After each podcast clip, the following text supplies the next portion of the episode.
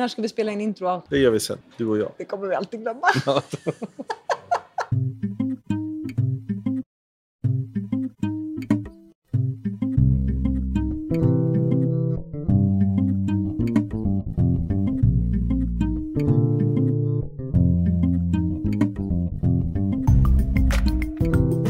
Som ni förstår så glömde vi självklart att göra ett intro. Sara, hon är i Paris. Jag håller på att packa ihop hela min podcaststudio för att flytta den och mig själv till Västerås. Så jag får göra dagens intro för det här podcasten. Det här avsnittet är jätteroligt att ha fått gjort därför det är med Niklas Myhr som är social media professor i Kalifornien. Han har helt klart rätten att kalla sig både expert och professor i det här eftersom han har hållit på och tittat på sociala medier väldigt, väldigt länge. Så bered er på ett snabbt, intensivt och väldigt roligt avsnitt med en väldigt fascinerande person som har träffat oerhört många människor som vi som jobbar med sociala medier bara kan drömma om. Jag och Sara gillar att spela in i mer ruffa situationer. Helt enkelt, vi gillar att sitta i lounger, vi gillar att sitta på restauranger och intervjua. Vi tycker intervjuerna blir lite bättre då. Och eh, det innebär ju självklart att det blir lite runt omkring ljud. Och i det här avsnittet så är det väldigt mycket sådana, därför vi vi sitter i foajén på Amaranten i Stockholm och det är fredag eftermiddag och AWn ska snart börja och sådana saker. Vi hoppas att det fungerar för er som lyssnar. Vi tycker det är lite mysigt med sånt ljud. Det som dock inte är mysigt är när man råkar på en telefon som gärna vill vara med i avsnittet också. Det gjorde vi den här gången. Niklas Myrs telefon ville också ha sin röst i det, så man hör med jämna mellanrum en liten störning som helt enkelt beror på att mina kablar inte gillade hans telefon. Vi är helt enkelt väl medvetna om det och eh, hoppas det inte stör för mycket. Så välkomna till avsnitt 111 av podcasten Social by Default. Kommentera gärna med hashtaggen Social by Default på Twitter eller gå till vår Instagram eller gå till vår Facebook-sida och tyck till om saker och ting. Prata med oss och har ni frågor till Niklas Myr kan ni ju prata med honom direkt. Alla länkar och allting sånt till Niklas kommer självklart finnas i våra show notes som ni hittar på podcast.socialbydefault.se. Så vi tackar Niklas Myhr att vi fick träffa honom och intervjua honom. Vi tackar Björn Falkevik som var sidekick under inspelningen och var helt tyst. Här kommer eh, intervjun.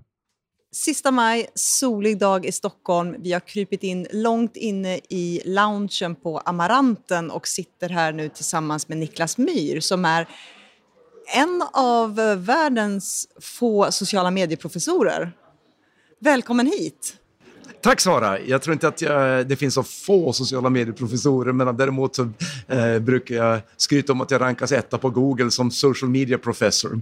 Och det, det, det, är mitt claim to fame. Hur kommer det sig att du är här? För du är vanligtvis bosatt i Kalifornien, eller hur? Eh, det stämmer. Jag undervisar på ett universitet som heter Chapman University i södra Kalifornien, i Orange County. Men att jag eh, åker till Sverige och föreläser ibland och just nu på somrarna så åker jag ofta hit med studenter från, på en reskurs som heter Business in Scandinavia. Mm. Så vi är här för nionde gången och jag visar Sverige, Norge, Danmark, Finland i olika kombinationer. I år var vi till och med till Estland. För du undervisar? Just det. Vi, mm. Marknadsföring eh, är mitt ämnesområde som jag doktorerar inom och undervisar som marketing professor i Chapman University. Och sen undervisar jag mycket sociala medier och digital marknadsföring som huvudämne. Hur länge har du gjort det? Jag har just sociala medier har haft som titel på kurser sedan eh, tio år tillbaka tror jag. Jag tror 2010 var nog första gången jag hade en titel på en kurs som heter Social Media Marketing. Eh, fast eh, jag håller på att undervisa digital marknadsföring eller internet marketing som jag kallar det i 20 år faktiskt. Vad hände då när du satte den här titeln på kursen? Vart folk lite nyfikna, förvånade? Vad var inställningen? Nej, det var eh, nyfikenhet. Det var lite grann eh, frågor som jag faktiskt får än idag. Hur kan en som är en viss ålder, mer än en vanlig student, veta någonting om det här som kanske tonåringar eh, borde veta bättre? Och hur kan någon komma och visa dem hur man ska göra. Så jag har brottats med de här frågeställningarna eh, på många sätt. Jag är inte här för att säga att det här är inställningarna på senaste app appen i första hand utan försöka eh, tala om marknadsföringsprinciper som är evigt gröna, som man säger, evergreen. Mm. Mm. Eh, och se vad är det för något man kan göra för att göra saker som inte blir omodernt. Som att bygga uppmärksamhet, skapa engagemang, konvertera eller skapa lojalitet eh, och kundnöjdhet. De principerna försvinner ju aldrig. Eh, och, men däremot kanske man byter vilket nätverk man använder idag och då ber ofta studenterna om hjälp. Eh, och de får dela med sig. Vad har du gjort idag på den plattformen? Om det var Youtube, eller Instagram, eller Facebook eller Snapchat idag så får de, får de dela med sig av exempel. Men hur kommer det sig, tror du, att det fortfarande är så här, ja men det där, så, vi, vi, vi tar någon ung, de kan det här? Mm. Nej men det finns ju eh, fördomar som eh, handlar om allt möjligt här i livet. Eh, om det är Eh, kön eller om det är etnicitet, men eh, åldersdiskriminering finns ju också. Det är ju många som tror att bara för att man är 20 så är man automatiskt eh, flink när det gäller allt som har med apparater att göra. Och Samtidigt så känner jag ju så pass många som kan använda sin arbetslivserfarenhet eller livserfarenhet och se vad kan man använda det här till. Och det är ju lättare att lära en som kan affärer att lära dem en app än att lära någon som kan en app vad affärsliv Precis. går ut på. Eh, och det, det är någonting som inte alla förstår än. Eh, sen då säger jag inte att det är fel för ett företag att ta in lite ungt friskt blod och kanske eh, ha lite erfarenhetsutbyte som går båda vägarna. Att det är inte mm. bara de äldre som kan lära de yngre utan det kan gå båda vägarna. Men jag tror att det finns fortfarande ett behov av att uh, ha någon som sätter in en, det här är en strategi, ett ramverk och försöker se vad det är vi ska prioritera och vad det är för typ av folk vi ska ha och hur kan vi få inte bara ett, ett gäng unga individer på ett företag som håller på och gör sociala medier som en isolerad ö utan hur kan man få in det i verksamheten som en helhet? Och det är någonting som jag vet att ni jobbar med också. Men en fråga då, för jag menar nu har du ju hållit på med det här ganska länge. Om man tittar på de studenter som du hade för tio år sedan och de studenter som du har idag. Vad är den största skillnaden, tycker du? Kunskap, nyfikenhetsmässigt, erfarenhetsmässigt? Ja, idag så har vi en generation som eh, knappt kommer ihåg gammal marknadsföring på, eh, på samma sätt. Eh, som är helt ointresserad av tv och eh, som inte följer traditionella kanaler. Som tar det eh, för givet att man simmar i det digitala vattnet. Och, eh, för tio år sedan så kunde man ju åtminstone se folk som kunde relatera till eh, sina föräldrars köpvanor och mönster. Och nu, nu, nu ser man ju mer att den digitala erfarenheten är så väsentlig så att man kan inte frångå det. Man börjar där helt enkelt. Och samtidigt som det finns de studenter som jag hade då, många av dem hör jag av sig långt senare och säger att det är först nu jag fattar vad du pratar om. ja, ja, ja. och se, nu har jag den här tjänsten och jag, tack för att du gick igenom det här för fem eller tio år sedan och det är nu jag känner att eh, Eh, nu ser jag hur det här passar i ett affärsliv eller en verksamhet och så kommer de tillbaka som gästföreläsare och eh, jättekul att bara kontakta dem i sina verksamheter. Så att ibland tar det ett tag innan poletten sjunker ner för dem. De är lite, eh, ibland då lite eh, arroganta så tillvida att de tror att de kan teknik fast eh, ibland är det ju många av dem som tycker att ett företag som Ericsson, som vi ska besöka på måndag förresten, eh, att, de, att det är gammaldags och att det inte har med teknik att göra. Medan eh, en liten webbyrå som har en hemsida, de, de är ett techföretag.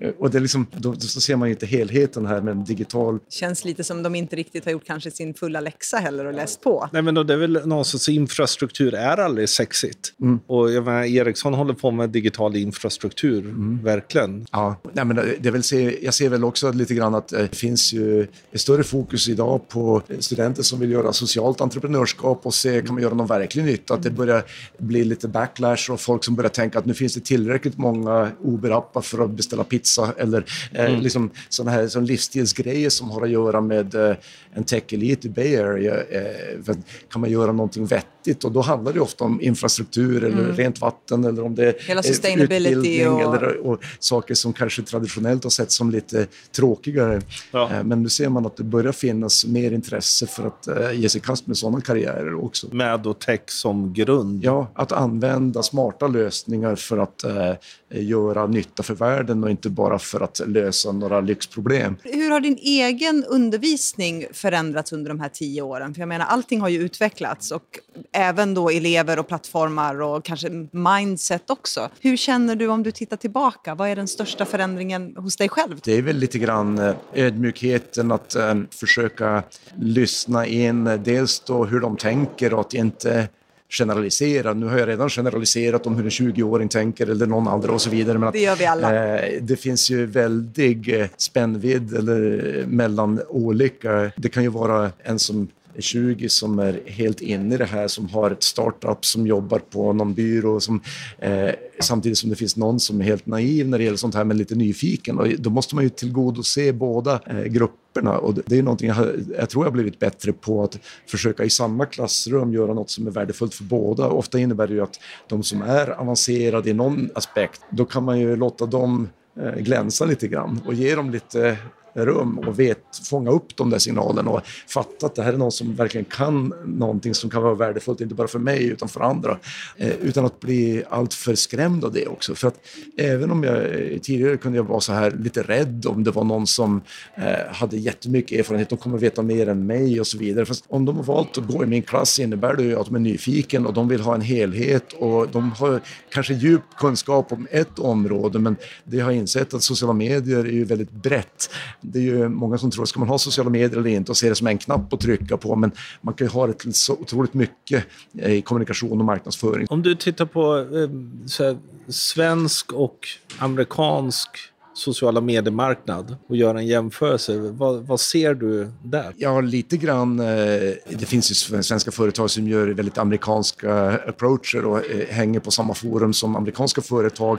Men om man ska generalisera lite grann så ser jag att lite mer otålmodiga i Amerika. Man eh, vill gärna kanske trycka på en knapp som man får trafik till sin hemsida istället för att bygga en långsiktig content marketing-kampanj. Och det är någonting som kan ta tid och det är någonting som jag tror svenskarna faktiskt har i sin läggning att vara lite mer tålmodiga. Mm. Medan en amerikan gärna trycker på, okej, okay, kommer att kosta en miljon dollar i Facebook-annonser så driver vi trafik. Och det funkar för vissa typer av produkter, men det kan inte funka på industriell marknadsföring. Och det är det som jag har som bakgrund från industriell ekonomi i Linköping och sen B2B-marketing i min doktorsavhandling. Det är extremt långsiktiga relationer vi pratar om och många beslutsfattare. Och det är någonting som jag ser att en del säger att eh, passar sociala medier för B2B. jag tycker att det passar ännu bättre ja. än för konsumentmarknadsföring. För jag är inte ett dugg intresserad av att gilla en sida för min salttillverkare till exempel. Men däremot om det är något företag som jag har att göra med, då kanske jag vill vara LinkedIn-vän, kanske Facebook-vän, Instagram-vän med folk jag har att göra med under tio års tid. Det känns nästan som om, om man går in och jämför kanske, och nu kommer jag generalisera business to business, business to consumer, att B2B har varit tvungna att jobba väldigt mycket mer med just långsiktighet, med kanske riktig content marketing, mm, ja. medan B2C har jobbat väldigt mycket snabbare, mycket konvertering. Mm. Hur, hur tar dina studenter det här när du, när du pratar om just det här att det gäller att ha tålamod, att lägga upp en lång strategisk plan och faktiskt jobba mot ett syfte. Det är någonting som eh, är svårare att sälja in på en 20-åring. Jag, jag har ju studenter som jag får in på byråer som och kunders vägnar lägger miljontals dollar på eh, Facebook-annonser och kan se konverteringen i realtid och sen ser de om vi lägger in eh, 1000 dollar så tjänar vi 2000 dollar nästa timme. Det är klart att det är roligare. Och vissa produktkategorier kan det funka att man hittar en sån där möjlighetsficka om man är väldigt specifik i sin eh, optimering av Facebook-annonser. Och det är ju egentligen sociala medier, ja, för att det är på Facebook, fast det är egentligen inte sociala medier i en, ett organiskt perspektiv, utan det är ju en annonsoptimering som man pratar om då och en digital närvaro som också är viktig. Så det, det, är väl det är lite grann vad man pratar om. Sociala medier. Tycker ni att det är sociala medier om man annonserar på Facebook? Är det sociala medier eller är det en betalkanal? Eller är det både och? Jag tycker ju det är en betalkanal. Tittar man väldigt mycket på hur det fungerar så blir det ju mer och mer ungefär som man köpte annonser förut. Ja. Med lite bättre targeting, med mm. lite bättre möjligheter. Men fortfarande egentligen att ja, men vi köper mm. ju in räckvidden. Sen tycker jag det är jättebra. För det funkar jättebra och det, det är liksom den nya annonsmarknaden. Mm. Ja. Men, men, det har, har kanske inte så mycket med det som en gång var sociala medier med. Och det har väldigt lite tyvärr med det sociala, mm. den sociala interaktionen. Mm. men det känns som att det finns en risk att vi köper sönder de här kanalerna också. För mm. jag tycker ändå att, åtminstone om man tittar, och här får ju du jämföra då svenska mm. kontra amerikanska marknaden, så känns det ändå som att väldigt många svenska företag har varit duktiga på att skapa bra innehåll ja. istället för mm. att trycka ut fem, sex uppdateringar varje dag. Mm. Och det känns ju som att nu om vi tar Facebook då, de stryper den organiska räckvidden ännu mer. Att man kanske tar den lätta vägen ut då och ja. börjar annonsera istället för att börja boosta bra content. Ja, men att, eh, jag tror att det blir någon slags hybrid ibland. Ibland blir det väldigt renodlat eh, betalkanal, men ibland är det ju faktiskt så att jag träffade någon eh, chef på Nike som sa att de har i princip slutat lägga, ens pröva organiska mm. uppdateringar på Facebook för de insett att det är meningslöst. Och då betalar de och boostar sina poster för att folk ska uppskatta dess innehåll, inte för att sälja direkt. Och då är, det är ju mer sociala medier jämfört med om man har en direkt säljorienterad annons. Eh, så det finns ju längs hela den här kedjan olika ändamål. Jag brukar säga till mina studenter då för att motivera dem, det är liksom att om ni får en möjlighet att bli den här digitala stjärnan på ett företag som är lite gammaldags, eh, B2B eller vad det nu är, eh, se nu till att ni inte blir en isolerad ö utan att be er boss om tillstånd att hålla på med Facebook, förklara vad ni gör, för ofta är de lite rädda. De kanske anställer dig för att de inser att de inte kan något. Om de ser dig med Facebook-sidan uppe i kontoret kanske de tror att du slösar bort tid. Och förklara vad du gör och vad du håller på med och fråga om tillstånd och göra mer av det och kanske förklara vad du har uppnått och vad det är för du, vad du försöker tracka eller mäta. En del saker blir ju långsiktiga, men att jag brukar säga att försök hitta någon slags kortsiktig vinst, även om det inte kanske är rena pengar, men någonting som går att peka ja. på. Så att det är någonting som händer. Något som ger en ROI. Men det, för det, den intressanta delen i det här ligger ju någonstans i att vi, vi pratar mycket sociala medier. Å ena sidan har vi då en minskad organisk räckvidd, vilket att Nike väljer någon sorts tvåstegshypotes ja, i liksom säljer. Å andra sidan har vi hela purpose branding-delen med att mm. verkligen företagen måste bygga sitt varumärke. Binnian Fields är mm. väldigt liksom stora. Många pratar numera i hela den delen. Och ibland så kan jag uppleva liksom att vi, vi liksom, många vill ha en aktivering, många vill mm. driva den av marknadschefer. Ja. Samtidigt i andra hållet så säger jag, sen tycker vi så här och vi har de här värderingarna. Men man förstår inte att sociala medier är mer värdering, mm. den sociala delen, att kunna ja. prata, än att de facto vara aktivering. Ja, Nej, men att, eh, det är väl där man kan säga att det är många som eh, missar den möjligheten att bli, eh, bygga en mycket djupare meningsfull relation. Jag tror att man måste vara lite flexibel, att inte påtvinga någon en relation för de som bara vill göra transaktionen och köpa av dig. Men för de 30 procent som det kanske är, eller 10 procent eller 50 procent som vill ha en konversation, varför ska man inte finnas tillgänglig för det? Jag brukar likna det vid att om du åker taxi eller Uber idag så finns det många som irriterar sig på att man inte får den där lugna stunden man har sett fram emot utan taxichauffören vill prata hela tiden. Men ibland vill ju folk prata. Ja. Så mm. man ska, jag gick faktiskt en taxikurs i Linköping, jag pluggade där. Jag, jag blev underkänd för att jag kunde inte lära mig alla gator i Linköping. Men jag lärde mig en sak, det var liksom man sa att inled aldrig en konversation med en kund om inte de själva eh, börjar prata. Mm. Förutom transaktionsdata om vart du ska och sånt där. Mm. mm. Men pratar de om väder, då kan du prata väder, men bolla tillbaka som ett pingisboll, att ta inte över konversationen. Jag tror att sociala medier ibland kan initiera en konversation, det tror jag. Men däremot att man ska vara lyhörd och se, verkar de intresserade överhuvudtaget? Men att, att se till att du finns tillgänglig för de som bryr sig och, och kanske bygga kanaler och öppningar och kommunikationsvägar på fler sätt, på fler ställen. Här hamnar vi ju då i problematiken, ja, men hur mäter vi det här? Vi får alltid den frågan, har fått det i alla år och har väl en del svar mm. att försöka. Men det är klart att mäta varumärke är svårt. Jag, menar, jag tror att um, man kan ju gå med traditionella Eh, Net Promoter Score ja, ja, ja. Eh, på en skala från 1 till 10. Har du 9 eller 10 att du skulle rekommendera det här till någon annan. Man kan ju fortsätta göra det, men att, eh, det är ju så att om du tror på värdet av sociala medier så måste du tro på den mänskliga faktorn i det hela. Den kommunikation som består av människor, inte bara en logotyp om det är så att du har möjlighet att få dina anställda, chefer, engagerade på sociala medier som människor utöver loggan så kan du knyta mer band. Janne Karlsson på SAS sa ju det här på 80-talet att eh, det var Ripyramiden eller Moments of Truth som jag tycker är bättre namn som det heter på engelska. Att eh, en kundupplevelse och ett varumärke är summan av de 10 000 interaktioner som händer varje dag i kabinpersonal, incheckning och så vidare. Och det händer ju mycket digitalt idag. Och, och, och har man inte koll på hur de adderar upp så blir det ju ett sämre varumärke. Och det kan man ju mäta. Vad- vad- När du pratar med dina studenter, då, vad ger du dem för tidsspann? Mm. När ska de, liksom, om de har ett startdatum, när ska de börja titta på siffrorna för att de faktiskt, eller mätresultaten för Mm. att se att de faktiskt är på rätt väg? Jag brukar säga att eh, om du har tomater som håller på att ruttna i lagret, då ska du köra annonser och strunta i medier. det, liksom, eh, det, det finns ju, det är liksom, om du har en klocka som tickar direkt, då är det för sent. Eh, du ska ju börja din sociala närvaro med ett långsiktigt perspektiv. Sen kan du ju ha vissa, jag brukar vara allergisk mot uttrycket sociala medier-kampanjer, för kampanjer är så militärord som har att göra med attack och döda folk. Men att Vi samtidigt så- överfaller ju folk i och för sig med innehåll om vi betalar. Jo, och men... det är egentligen lite allergiutslag. Jag får fortfarande av det uttrycket. Samtidigt så ibland så kan man ju ha ett jippo eller någonting som är lite speciellt. Och då kanske man kan mäta vad fick du för engagemang på den kampanjen utan att det kanske nödvändigtvis sker till eh, i renodlad försäljning. Blev det någon som brydde sig? Och om du över tiden vet att om det är folk som börjar prenumerera på ditt nyhetsbrev eller eh, som ett resultat av det, om det i sin tur eh, över nästa år innebär att eh, folk köper för 100 kronor per år eller månad, då kan du räkna ut det där indirekt. Att du, du mäter vad får det för värde för oss att ha en till e-postprenumerant till exempel, eller någon som ger upp sitt mobilnummer till och med på sms-marknadsföring.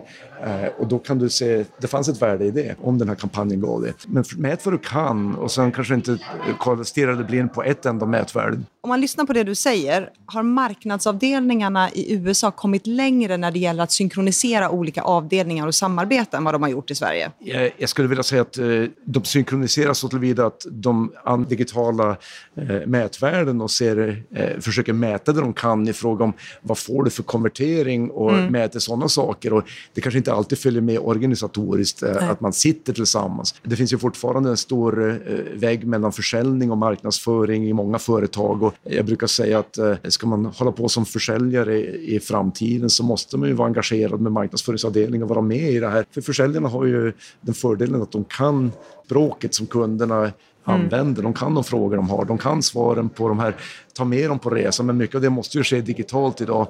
Och jag tror att allt fler börjar försöka, åtminstone att de Dra jobbar samman. tillsammans. Organisatoriskt så vet jag inte.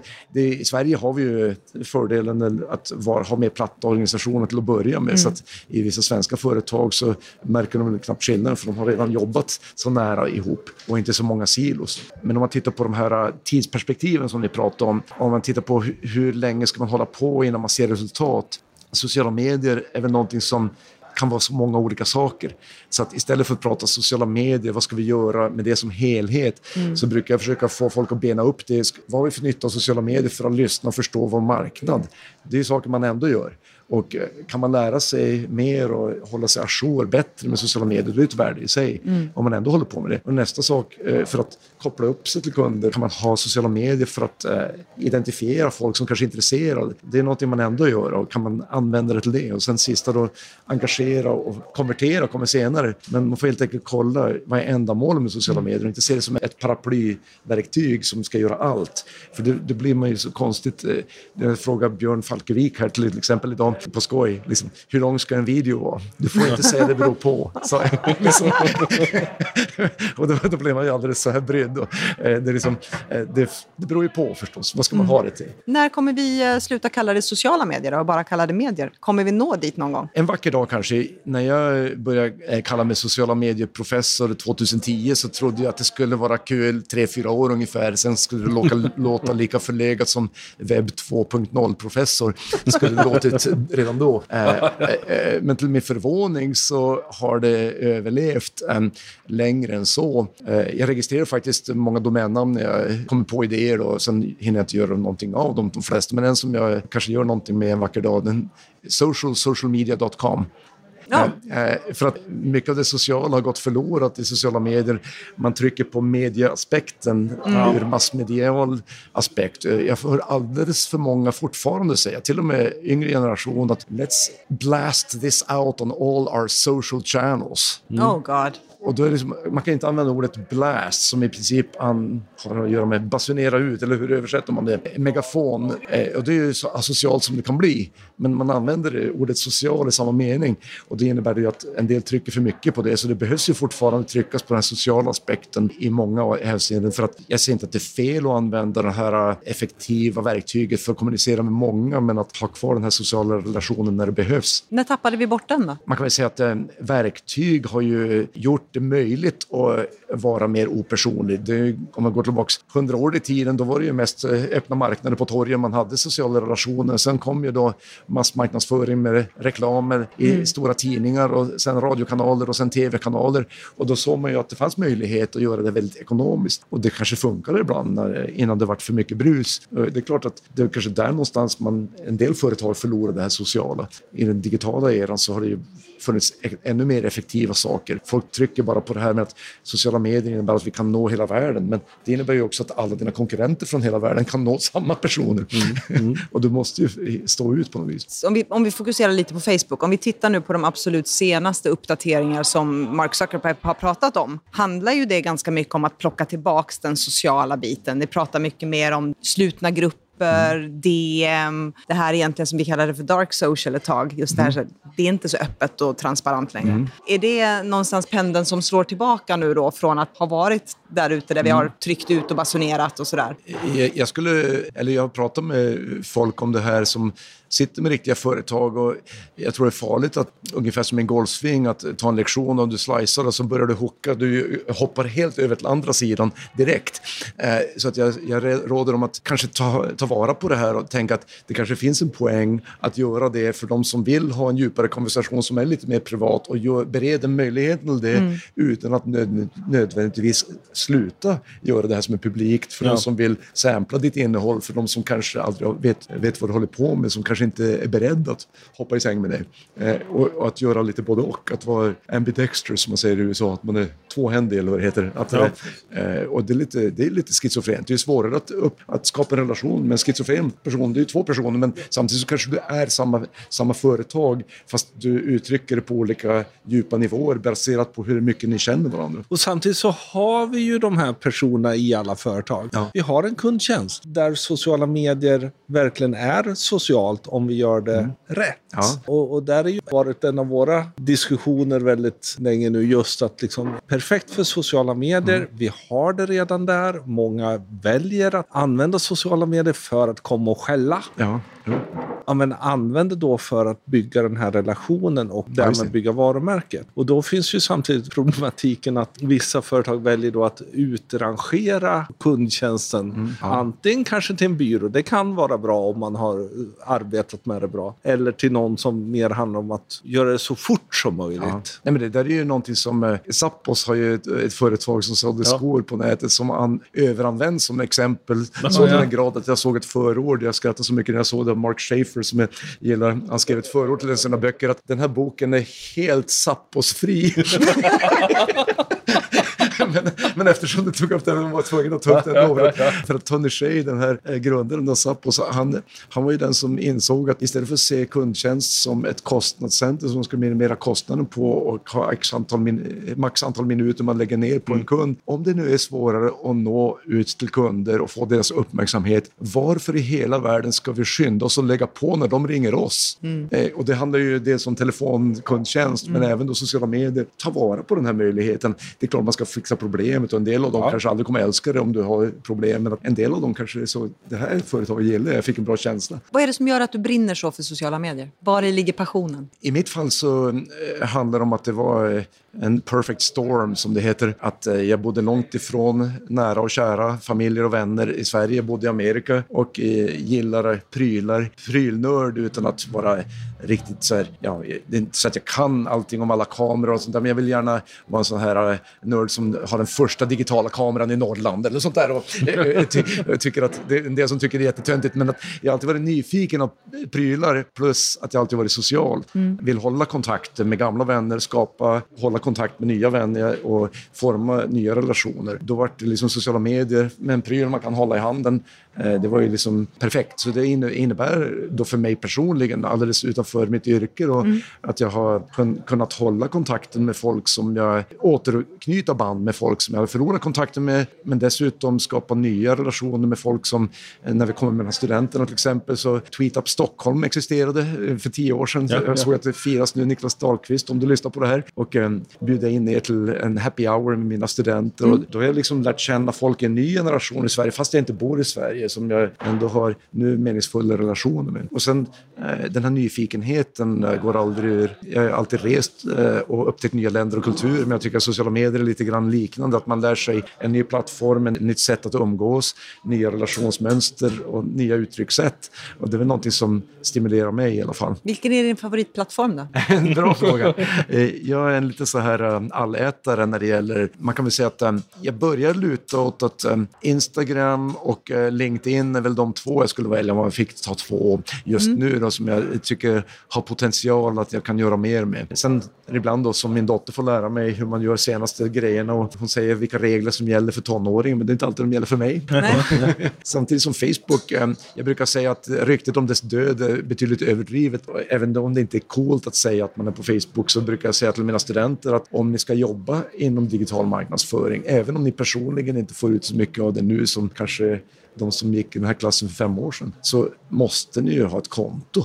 Kommer det studenter till dig som inte har Facebook-konton? Nej, jag skulle säga att en del av dem känner sig lite mer eller mindre tvungna att ha ett för att komma mm. åt grupper för sin fraternity eller studentgrupp eller sportlag. Eller, men att de går inte dit eh, av egen fri vilja och lust kan man säga. Vilken plattform ser vi inte dig på då? Jag gav upp Snapchat. Mm. Jag provade, min dotter fick uh, lära mig lite basics och jag hade en streak på 50 dagar med henne. Hon har en på över 800 dagar. Med, sen glömde jag då uppdatera och så började hon på noll. Och om streak, om man inte vet vad det är, så är det att man ska ha skickat meddelanden fram och tillbaka varje dag. Jag tyckte det var kul att experimentera lite grann men att jag tappade lite suget där när de började hålla på med tokiga grejer som glasögon och sådana här saker som jag i och för sig då höll på att testa och tyckte det var kul en dag och sånt där. Men att det verkar som att det här kommer inte riktigt att vara lika viktigt eh, för företag företagare Nej. att ha att göra med, åtminstone inte så länge de inte har tagit vara på Youtube, Facebook, Instagram, Twitter och... Eh, Men så vi kommer inte få se dig på TikTok och dansa lite?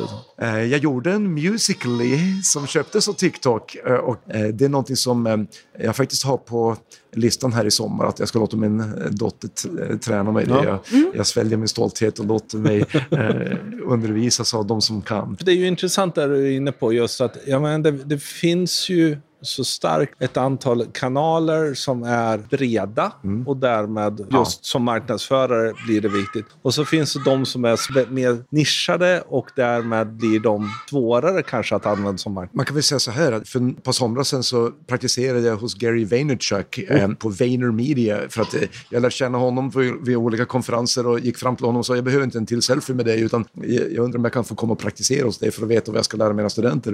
Och han själv är ju väldigt skeptisk till college, man kan inte lära sig någonting college och så vidare. Men han, han, han sa 100 procent och så dök jag upp där på Manhattan i en skyskrapa med 800 anställda och så fick jag jobba här, Team Gary. Som, han har liksom nu 20 personer som bara jobbar med hans personliga varumärke för att det i sin tur ska sälja digitala byråtjänster. Mm. Eh, och en sak han lärde mig, det var liksom att han är passionerad att följa till exempel Musical.ly på den tiden, det var då jag mm. gjorde min Musical.ly-video. Han sa att kanske inte för att använda den plattformen, men genom att studera vad 12-åriga tjejer gör så kan man ganska säkert prognostisera den typ av beteenden som 22-åriga tjejer kommer gilla om bara ett år mm. och 32-åriga tjejer om två år. Även om det kanske inte sker på den plattformen, men vilken typ av eh, media och interaktion och vilka mönster man ser. Så att han brukar få problem på flygplatsen. Man sitter och studerar 12-åriga tjejers ja, mobilbeteende och en pappa som blir lite orolig. Men han är genuint intresserad av deras digitala närvaro. Ja. Eh, och det är något som jag tror ligger någonting i det, att man kan ta till sig idéer från plattformar även om man inte tänker omsätta det i daglig användning för ett företag. Vilka personer tittar du på just nu som inspirerar dig liksom, i just sociala medier och, och digital marknadsföring? En del eh, byter jag ut så tillvida att jag försöker bredda mig genom att inte eh, bara vara en fan av en person hela tiden och så vidare. Och, eh, Gary är väl en sån där som jag kollar inte på hans dagliga uppdateringar. Det kommer mycket material och det som är, lyssnar på allt han säger. Men han säger ju själv att han säger mycket samma saker hela tiden Mm, samtidigt som han säger att det behövs för att en del lyssnar ju inte. Eh, men att en, en annan som jag har följt några år nu som jag fortfarande läser och eh, följer och pratar med ibland är Mark Schaefer som Mm. nu kom ut med en bok som heter Marketing Rebellion eh, som Ta fasta på något intressant som egentligen då borde ligga, passa svenskarna ganska bra. Att ett företag behöver inte vara så mesig när det gäller att ta ställning i samhällsfrågor. Traditionellt har företag varit väldigt försiktiga om att inte prata om sexpolitik och religion och personliga varumärken också. För det finns, kan finnas ett värde att ibland ta ställning om det är någonting som känns genuint och autentiskt för det varumärket, vad de står för och att det kan göra att om du inte gör det så kanske du helt enkelt ses som du drunknar i, i, mängden mängden. Medan Nike till exempel då kom ut och stöttade den här Colin Kaepernick som tog ett knä under nationalsången i Amerika och det var många som blev otroligt upprörda över det fast deras marketing research visar ju att de som köper 200 dollars Nike-skor ofta var på den sidan och tyckte att Ja. det var en bra idé. Och de gjorde det inte bara av den anledningen utan det passade även deras värderingar. Det är, det som att man kan välja att ta ställning ibland selektivt och tänka igenom det strategiskt, inte impulsivt om det är en sån där sak som kan vara polariserande. Och stanna där. För det var ju det Nike det. gjorde när folk började bränna Nike-prylar. Istället för att då börja backa som skulle varit väldigt vanligt, tror jag tyvärr, bland, väldigt, bland svenskar där Ja. vi har något, man ska vara lite lagom. Så sa han, ja men så här ska du göra för att bränna våra prylar på ett säkert sätt. Just det. Ja, ja. Nej, nej, det, det kan ju vara risker man tar. Och det väl, poängen där var väl inte att man ska slänga sig in i alla eh, politiska heta ämnen, men att däremot att kanske fundera på att äh, använda det på ett sätt att kommunicera. V- vad har du för... för att, att prata om ett varumärke är ju rätt tråkigt om de inte har någon personlighet eller några åsikter. Eh, och det är väl någonting som... Det var en stugranne uppe i Norrland då som jag sa att eh, ja, jag försöker att inte prata om sexpolitik och religion. Då sa han, finns det annat att prata om? Nej, men, och den är också intressant utifrån ett sociala medier-perspektiv då, att varumärken blir mycket mer personifierade idag. Jag menar, det är vd, eller det är, det är influencers, det är några- någon R&D det är väldigt mycket ansikten i ett varumärke idag. Om man har ansikten som aldrig tar ställning så blir det ju jättekonstigt. Ja, visst. visst. Jo. Eh, problemet är ju då om man är ett internationellt varumärke, det finns så många olika kulturer. Och Ja. Det är ju en konstart som eh, förekom för sociala medier. Hur kan du vara ett företag, ett varumärke som är intressant och ändå relevant i Mellanöstern, Asien, Afrika, Europa och USA? Eller det, det, Trust me, vi försöker. jag Men, och det är en utmaning. Visst. Men det är spänningen och, Och då måste spännande. man ju hitta de där universella budskapen som ändå... Jag menar, det finns ju saker som den gyllene regeln, gör till andra vad du vill att de ska göra åt dig. Det har uppstått i alla civilisationer oberoende av varandra oavsett religioner. Och det finns ju en del sådana saker som man kan... Och det finns alltid frågor man kan ta ställning i och man kan ta en ställning som funkar över hela världen. Ja. Och då får man ju hitta dem för just det företaget. Just när det gäller att få engagemanget så gäller det också att ha lite... eh, Att inte bara eh, bli för opassionerad. Att vad det nu än är, att eh, oavsett, det behöver inte vara något kontroversiellt budskap, men hur du kommunicerar och att det är någonting som jag har fått ganska mycket inspiration att gå på talarkonferenser och, och se riktiga show business-människor som ser det här som att du måste ju inte vara rolig om du ska vara en talare, bara om du vill få betalt. På tal om det då, vad är den viktigaste kompetensen då för nya kommunikationsstjärnor? Vad ska de lära sina företag? Eh, att inte stirra sig blinda på kanaler utan eh, budskap och vad är det vi ska få ut? Och sen eh, kanske inte hela tiden tänka att man måste optimera varje investering i en kanal utan det är ju så att du måste experimentera ungefär som du är innovativ med produkter att du testar och ser vad som funkar och utvärderar och sen testar något nytt. Både var du är, vilka kanaler, hur du kommunicerar, eh, till vem du riktar dig och att du blir mer agil är ju här buzzword, men att det är någonting man måste vara även i kommunikationer, eh, inte bara i produktutveckling. Och det tror jag stenhårt på att man hela tiden måste utvärdera. När jag satt på VaynerMedia så fick jag sitta med på några så här möten med team som representerar så här Fortune 50 varumärken. Och då sitter det då tre unga tjejer som sitter och pratar. En var ansvarig för Twitter, en för LinkedIn och en för Facebook. Och så gick de igenom vad de hade gjort senaste månaden på de kanalerna. Och alla, fick, alla, alla tre fick redovisa det som gick bättre än väntat och vad som gick sämre än väntat förväntat och var, varför de trodde det var så. Så fick de feedback av de andra och sen fick mm. de utbyta erfarenheter. Och det är någonting som kanske inte behöver ske varje dag men att du har någon slags erfarenhetsutbyte som går utöver kanaler. För det som den som höll på med ett, en kanal erfor kanske kunde vara till nytta för en mm. annan kanal. Och vara lite mer nyfiken och se till att du inte låser dig vid en kanal och utmålar dig som Facebook-experten om du kan behövas i andra kanaler. Vad är roligast just nu med att vara Niklas Myhr? Just nu så pratar du när jag befinner mig på min studieresa som jag, det är ingen slump att jag gör det för nionde gången, jag och min kollega Claes Wilborg, eh, som vi åker runt med studenter och jag ser det som ett tillfälle att eh, dels återknyta kontakter med gamla, eh, gamla kontakter vi besöker på företag men även hålla med jour med vad som händer i svenskt näringsliv, inte bara i sommarstugemiljö. Mm. Eftersom jag är en genuint nyfiken person så är jag lite allätare. Det handlar inte bara om digital marknadsföring utan se vad som händer i affärslivet och även knyta kontakt med folk vid sidan av besöken som er.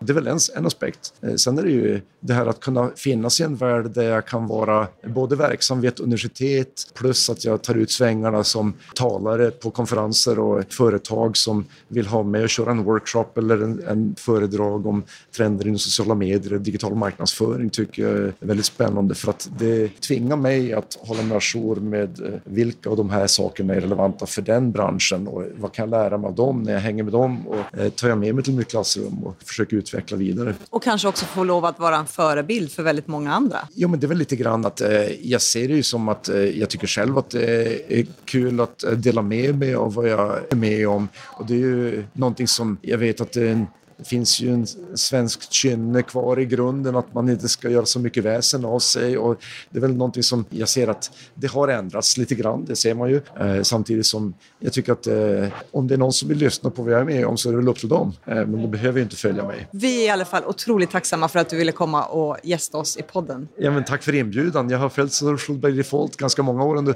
hundpromenader i Kalifornien och jag ser fram emot att eh, jag kan spola fram det här avsnittet. Men tack snälla Niklas. Tack, eh, tack Sara. Tack Niklas. Det var allt vi hade för den här gången. Tack än en gång Niklas för att du är så bjussig på all din kunskap och så fantastisk person att sitta och lyssna på. För er som lyssnar så vill vi bara ge heads up att det kan komma att vara ett litet hack i utgivningstakten. Vår plan är att alltid komma ut varannan vecka med ett nytt avsnitt. Men som jag sa i introt så håller jag på att flytta till Västerås. Min studio kommer att packas ner och jag har ännu inte riktigt luskat ut hur jag ska få plats med den i min nya väldigt mycket mindre lägenhet. Så det kan innebära att det blir kanske några veckor till innan det kommer ut ett nytt avsnitt. Jag och Sara kommer vara i Stockholm och ha en eh, kurs på Bergs efter midsommar. Det ska bli väldigt, väldigt roligt. Är ni i faggorna så hälsa på oss. Vill ni prata med oss så följ vår Facebook-sida som heter Social by Default eller vårt Instagram-konto som också heter Social by Default. Eller vill ni prata med oss som personer så heter jag Deeped överallt och Sara heter Sanna i LB överallt. Hej då!